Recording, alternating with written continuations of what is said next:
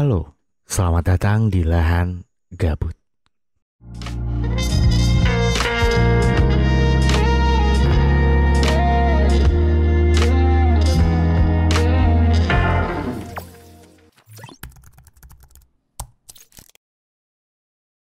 Halo semuanya, balik lagi di channel Dira Firmansyah di konten lahan gabut yang di mana ya konten ini dibuat karena gue gabut sih sebenarnya dan mungkin udah dijelasin di beberapa episode sebelumnya.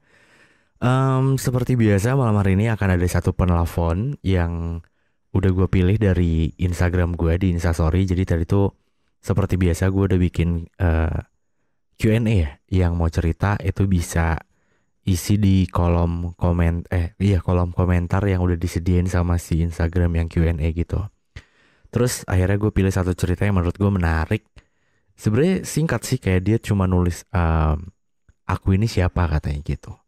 Terus pas gue minta, aduh sampai mentok lagi. Terus pas gue minta um, kayak cerita singkatnya yang satu menit, gue dengerin kok kayaknya menarik kalau menurut gue, tapi nggak tahu kalau menurut lo. Dan tanpa berlama-lama lagi mungkin oh ya yeah, anyway sorry banget kalau di belakangnya agak berantakan lagi, settingannya berubah lagi. Karena sekarang itu gue tagnya uh, di luar studio yang biasanya gue kalau tag konten itu kebanyakan di dalam studio kan. Cuma kalau sekarang itu di luar studio. Alasannya karena apa? Karena ya mungkin buat lo yang udah follow Instagram gue tahu Cindy itu sekarang lagi ngisi dan um, sebenarnya Cindy tuh sebelum hamil nggak terlalu bermasalah sama asap rokok dan uh, ketika hamil juga sebenarnya nggak masalah sih cuma guanya aja sih yang agak uh, gimana ya kayak takut aja gitu loh. Makanya mending lebih amannya gue mending di luar aja deh uh, kerjanya. Makanya nih PC gue bawain kecuali kalau untuk tag podcast teman tidur kayaknya gue tetap di dalam. Cuma resikonya ya gue nggak bisa sambil ngerokok gitu. Dan ini sebenarnya uh, gue pakai uh, alat baru yang kebetulan kalau lo follow di Instagram gue juga gue baru aja kayak storyin ternyata ada alat yang hampir mirip podcast konsol hampir mirip yang kayak roadcaster karena kalau misalkan untuk podcast teman tidur yang biasa lo dengerin di Spotify itu gue pakai alatnya itu uh, roadcaster yang di mana itu sesuai dengan kebutuhan gue banget gitu. Cuma emang harganya agak lumayan sih menurut gue juga. Dan gue butuh waktu untuk menabung agar bisa membeli alat itu gitu. Tapi ini gue dapet alat yang jauh banget lebih murah, terus lebih kecil juga. Um, dan gue juga baru tahu ternyata ada satu toko yang di Bandung juga. Dia tuh ngejual beberapa alat uh, ya kayak untuk perlengkapan starter pack podcaster gitu.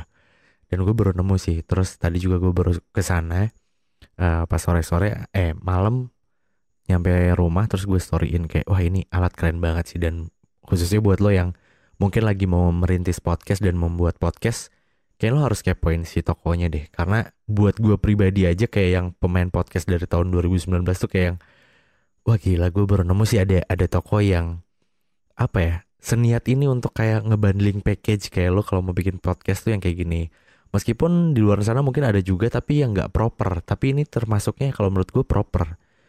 Uh, oleh karena itu ya gue tiba-tiba beli aja gitu yang ini. Karena gue mikirnya ini kayaknya bisa jadi daily driver gue ketika gue mau bikin tag. Eh ketika gue mau bikin tag. Ketika gue mau bikin podcastnya di luar gitu. Karena kalau gue harus bawa roadcaster itu ukurannya kan gede. Dan agak ribet aja gitu dibawa ke mana-mananya. Tapi kalau ini kecil. Dan mungkin nanti gue bakal ngebahas ini di video uh, yang berbeda. Jadi tungguin aja buat lo yang mungkin pengen buat podcast atau udah punya podcast bisa upgrade kualitas audionya. Dan ini audionya kurang lebih kayak gini. Oke, okay, uh, eh, biar tidak berlama-lama, kita langsung telepon orangnya aja. Oke. Okay.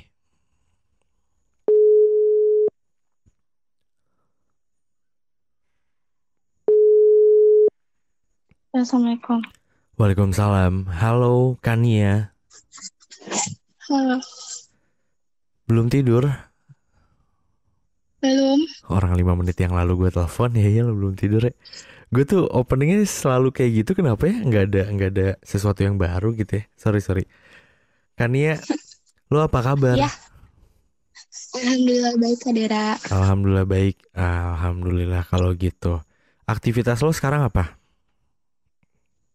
Sekarang karena baru lulus, jadi lagi cari-cari kerja. Lagi Oh, jadi pengangguran kali ya. oh, oh lo baru lulus. Iya. Oh, berarti lulusan angkatan 2020 apa 21? 2019-2020. Oh, 2019-2020. Oke, Kania. Eh, tadi itu kan gue udah baca tuh eh, jawaban yang lo kirim di kolom komentar yang gue posting di Instastory. Nah, eh, karena gue tertarik untuk dengerin cerita lo dan kayaknya seru sih gitu. Mungkin biar tidak terlalu memakan waktu, gue berikan kesempatan lo untuk cerita kurang lebih 8-10 menitan. Jadi ceritanya gimana tuh kan? Jadi eh, aku baru aja selesai menyelesaikan masalah yang menurut aku ini rumit, sangat rumit banget. Sangat rumit banget. Aku, mm-mm, aku kenal sama seorang pria yang sebenarnya belum lama juga aku kenal, Oke, sekitar akhir September. akhir September. Setelah aku wisuda. Oke, Terus aku kenal dia di salah satu instansi pelayanan masyarakat di Kota Cirebon. oke, terus? Terus di situ akhirnya karena kita kenal dekat, insight dia baik, dia sopan, dia ramah. Oke, Eh, ada satu hal yang membuat aku mungkin sedikit terpikat ya sama dia. Akhirnya di awal November aku mulai berpacaran sama dia. oke. Akhirnya lo memutuskan untuk memiliki komitmen sama dia.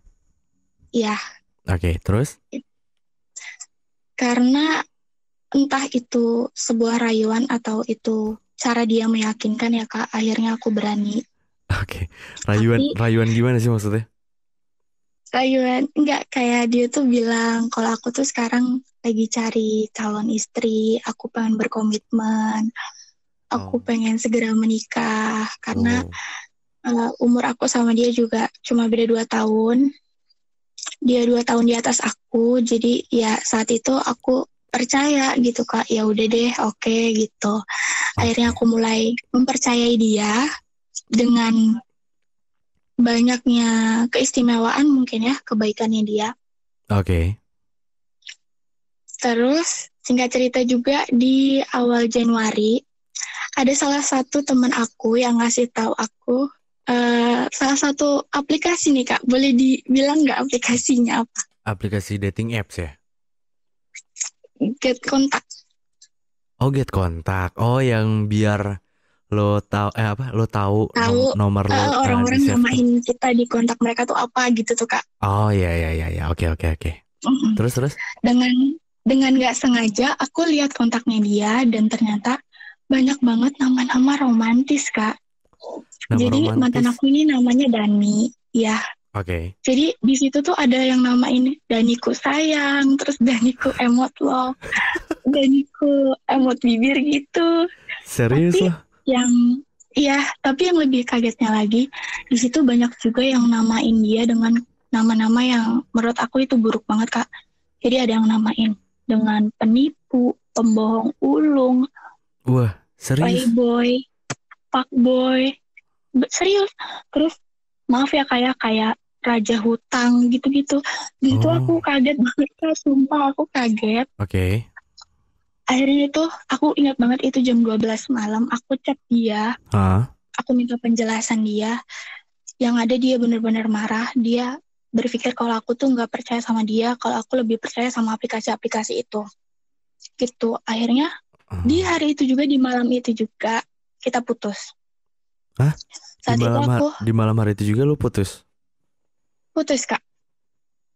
Oke. Di Gara-gara eh ini apa namanya? Aplikasi yang tadi lo bilang.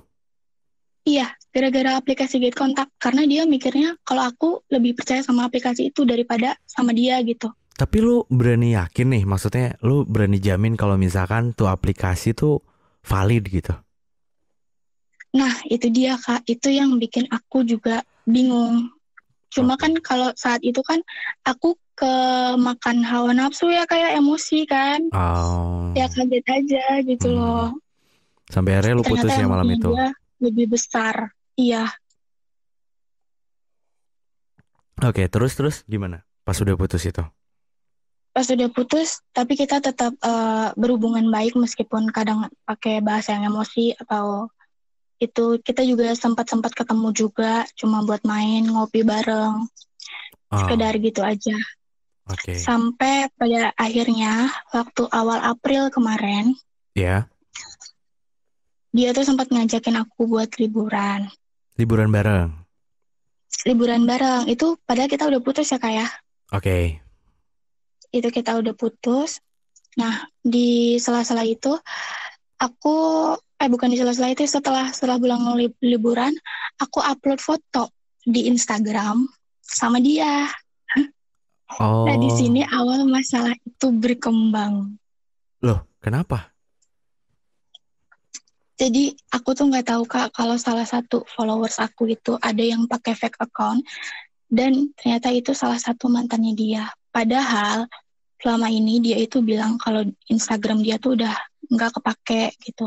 Dan aku pun nggak pernah nyari tahu circle-nya dia, teman-temannya dia atau lingkungannya dia gitu. Kan kalau misalnya kita nyari tahu kan kita bisa follow-followan sama teman-temannya mereka kan kak. Ya, ya, ya. Eh, tapi kan aku nggak pernah nyari tahu. Terus tiba-tiba ada salah satu fake account yang nanyain, kamu pacarnya Dani, kamu udah berapa lama sama Dani? Eh btw aku pacarnya Dani loh, dan itu tuh bukan satu dua akun ya kak, Serius tapi banyak. Serius. Wow. Bahkan ada salah satu akun eh, fake ya kak. Ini namanya Oke. dia ini ngirimin screenshotan DM-annya dia sama salah satu mantannya Dani. Namanya, Oke. nah di situ tuh emang si Kak si Dani itu sempat cerita sama aku kalau dia tuh pernah gagal nikah. Ya. Padahal dia udah pacaran tiga tahun, tapi dia cerita sama aku kalau si ini eh ya dia lebih memilih laki-laki lain lah ya, Ah, yang Oke. jabatannya lebih tinggi gitu. Oke, oke. Nah, tapi dari screenshotan chatan salah satu mantannya ini kak sama si ini Hmm. ini eh, cerita sama si itu kalau misalnya dia gagal nikah sama Dani karena Dani itu udah selingkuh hampir lebih dari lima kali. Oh. Lebih dari lima Jadi alasan yang Dani sampein itu ternyata Bohong. bohong kalau berdasarkan Mm-mm. dari screen capturean yang dari fake itu. Ah. Mm-mm.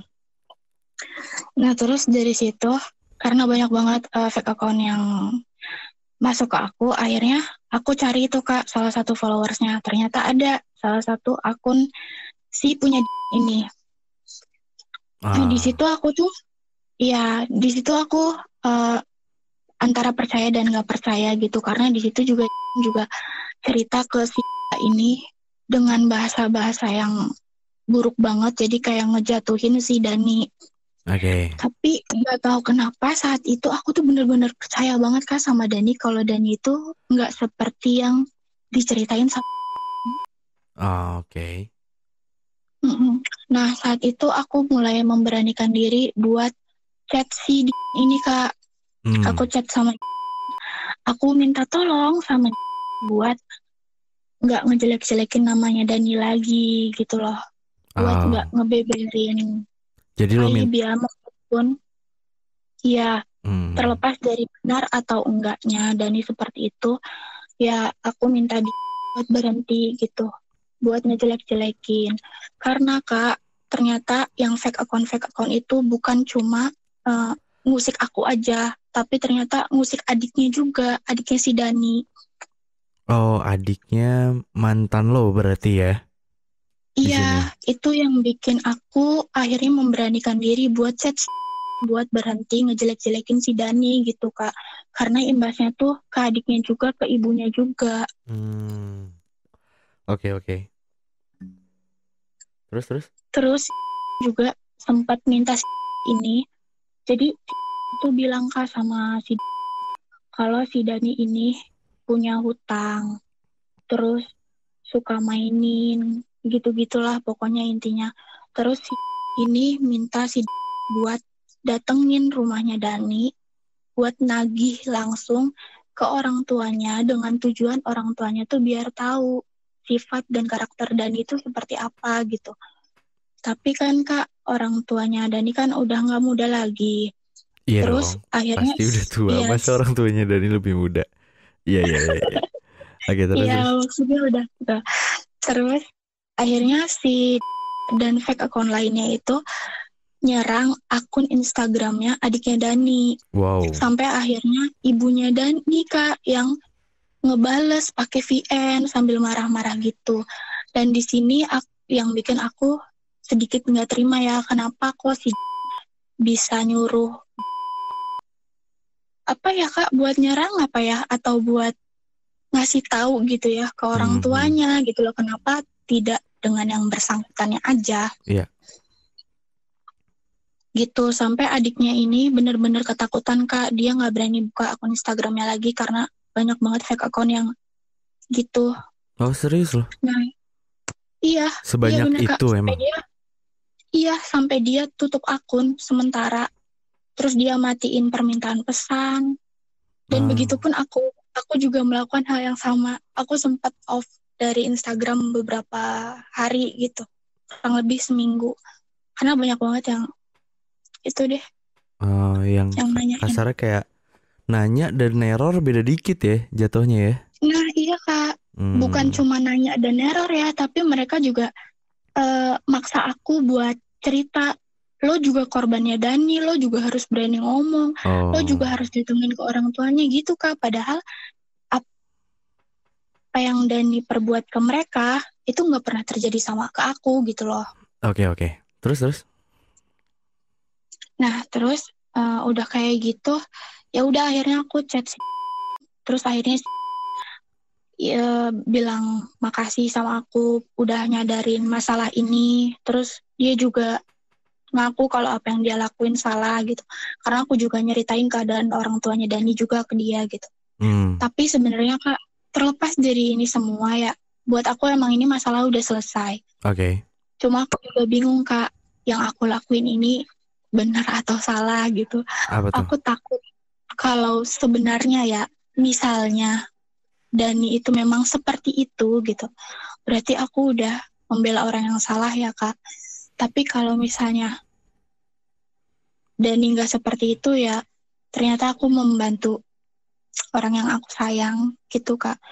Sebenarnya aku membantu dia juga karena aku melihat ke orang tuanya, ke adiknya, Hmm. ke lingkungannya dia yang kena imbasnya. Oke. Karena menurut aku si ini udah bener-bener keterlaluan banget kak ngejelek-jelekin si Dani. Hmm. Ngasih tahu rumahnya Dani gitu. Ah, sampai ngasih tahu rumahnya Dani. Iya ke fake-fake akun ini Oh. biar dateng gitu kak. Oh iya iya iya. iya. Tapi sorry sorry banget ya. Em, sebelumnya gue boleh nanya gak sih? Kalau misalkan di di pikiran lo itu udah ada kayak eh, bayang-bayang, oh dan itu ternyata kayak gini ya. Yang pertama kan lo dari eh, lo tahu dari aplikasi yang kita bisa tahu tuh eh, kontak eh, nomor yang ini nih disimpan di orang-orang tuh apa sih kira-kira? Terus ditambah Mm-mm. lagi lo banyak banget di DM sama orang-orang yang katanya dia pernah bukan eh, apa ya dia pernah disakitin lah disakitin sama cowok yang kebetulan mungkin sama sama yang lagi deket sama lu. Karena lu pada saat itu ngeposting eh, ketika liburan ya. Nah nah maksud gue apa yang melatar belakangi lo kayak lo tuh masih sayang gitu? Tadi kan lo sempat mention kayak ya mungkin kalau emang iya Dani itu nggak seperti itu itu mungkin bentuk eh, apa tadi ya kalau nggak salah intinya Kasih sayang kasih sayang lo sama dia gitu. Nah, maksud gue gue pengen tahu apa sih yang bisa sampai bikin lo tuh sebegitunya gitu sama nih cowok. Karena itu kak yang pertama aku ceritain karena inside dia baik baik banget. meskipun aku nggak tahu yang namanya cover itu beneran baik atau enggak. Oke. Tapi apa yang diceritain sama fake-fake account itu tidak terjadi sama aku secara langsung ya. Oh, oh jadi Aku nggak tahu.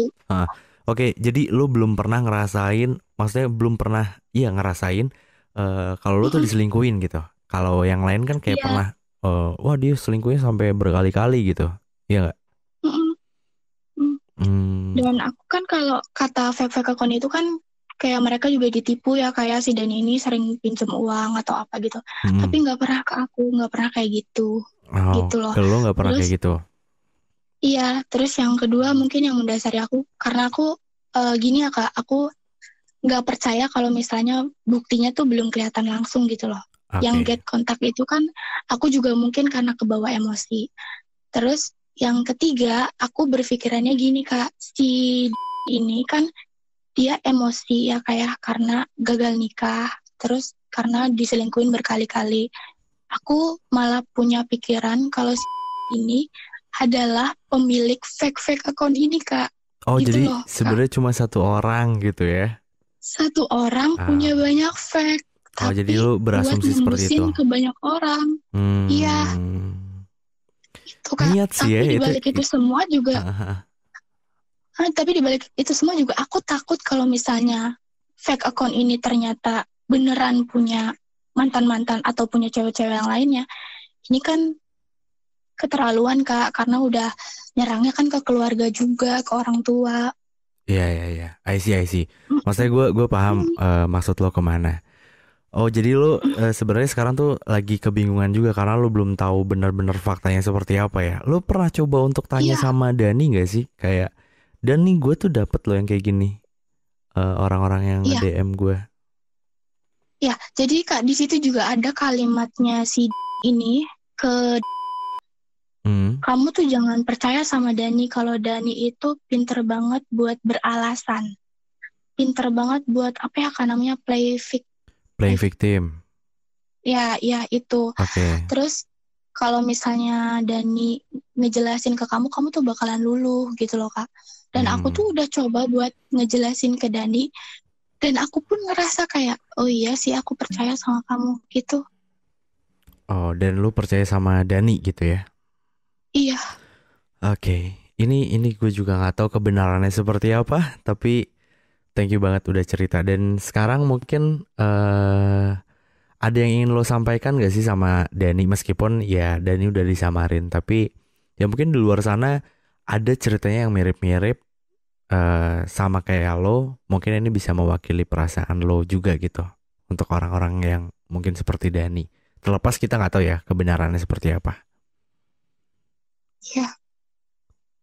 Aku udah sering sih kak eh, ngechat dia, aku bilang bener atau enggaknya dari masalah ini, aku minta kamu tetap jadi pria yang hebat, pria yang baik, pria yang soleh, pria yang selalu menghormati kedua orang tuanya dan Amin, menjaga adiknya juga.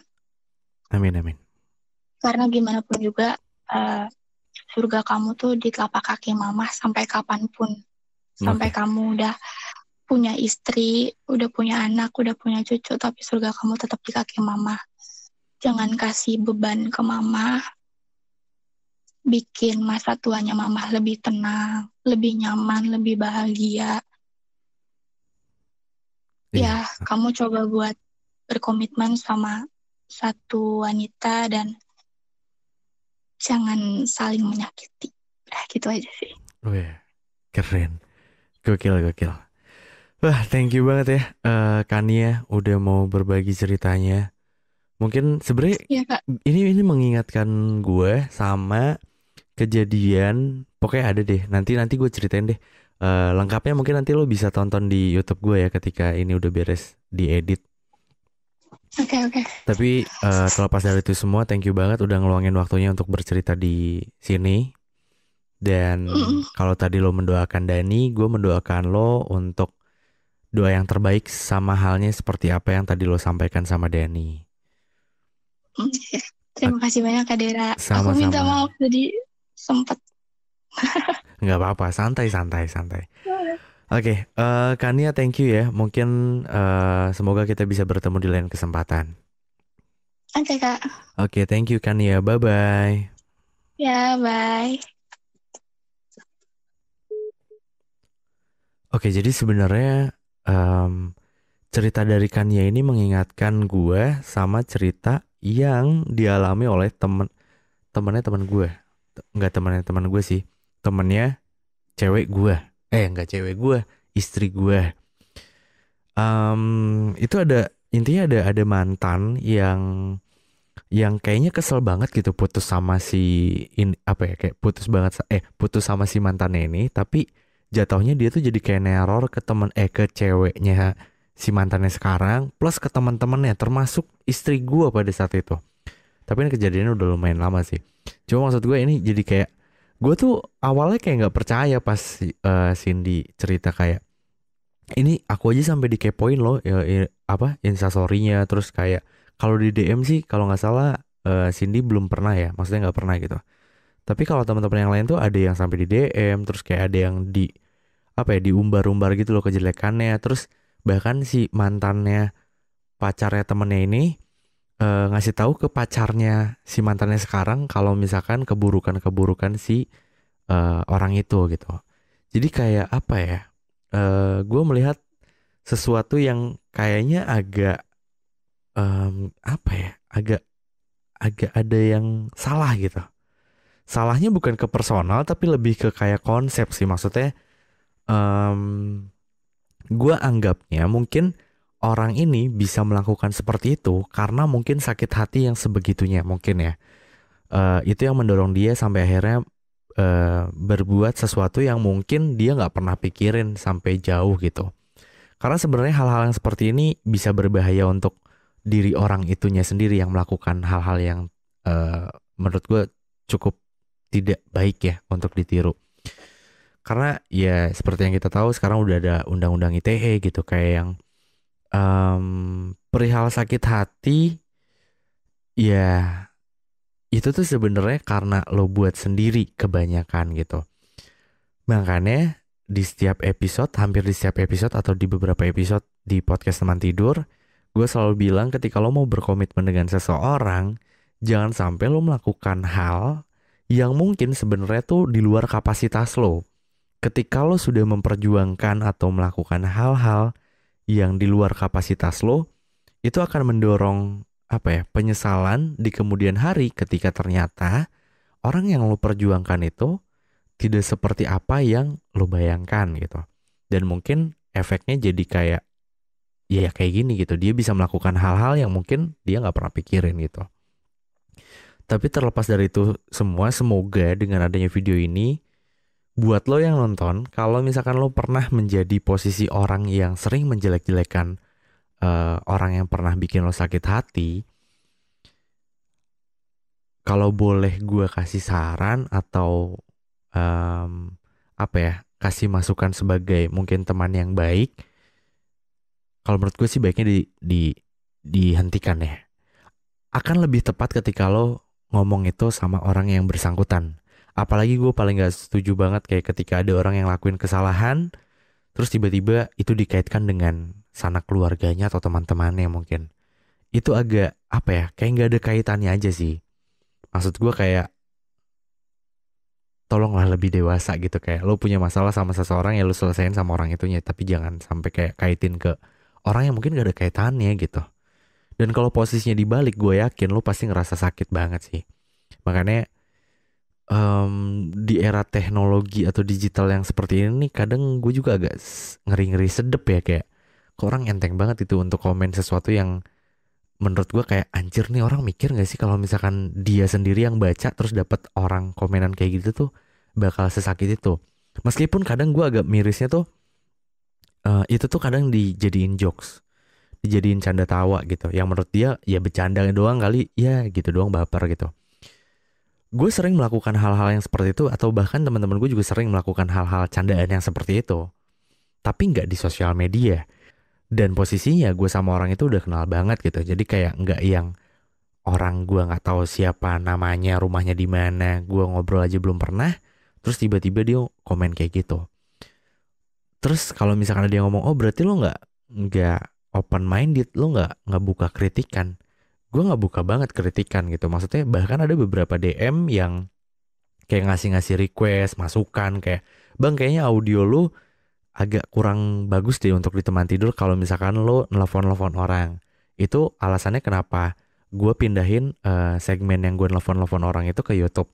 Karena maksud gue ada beberapa orang yang suka juga dengan ketika gue nelfon orang lain karena itu bisa bikin relate banget gitu.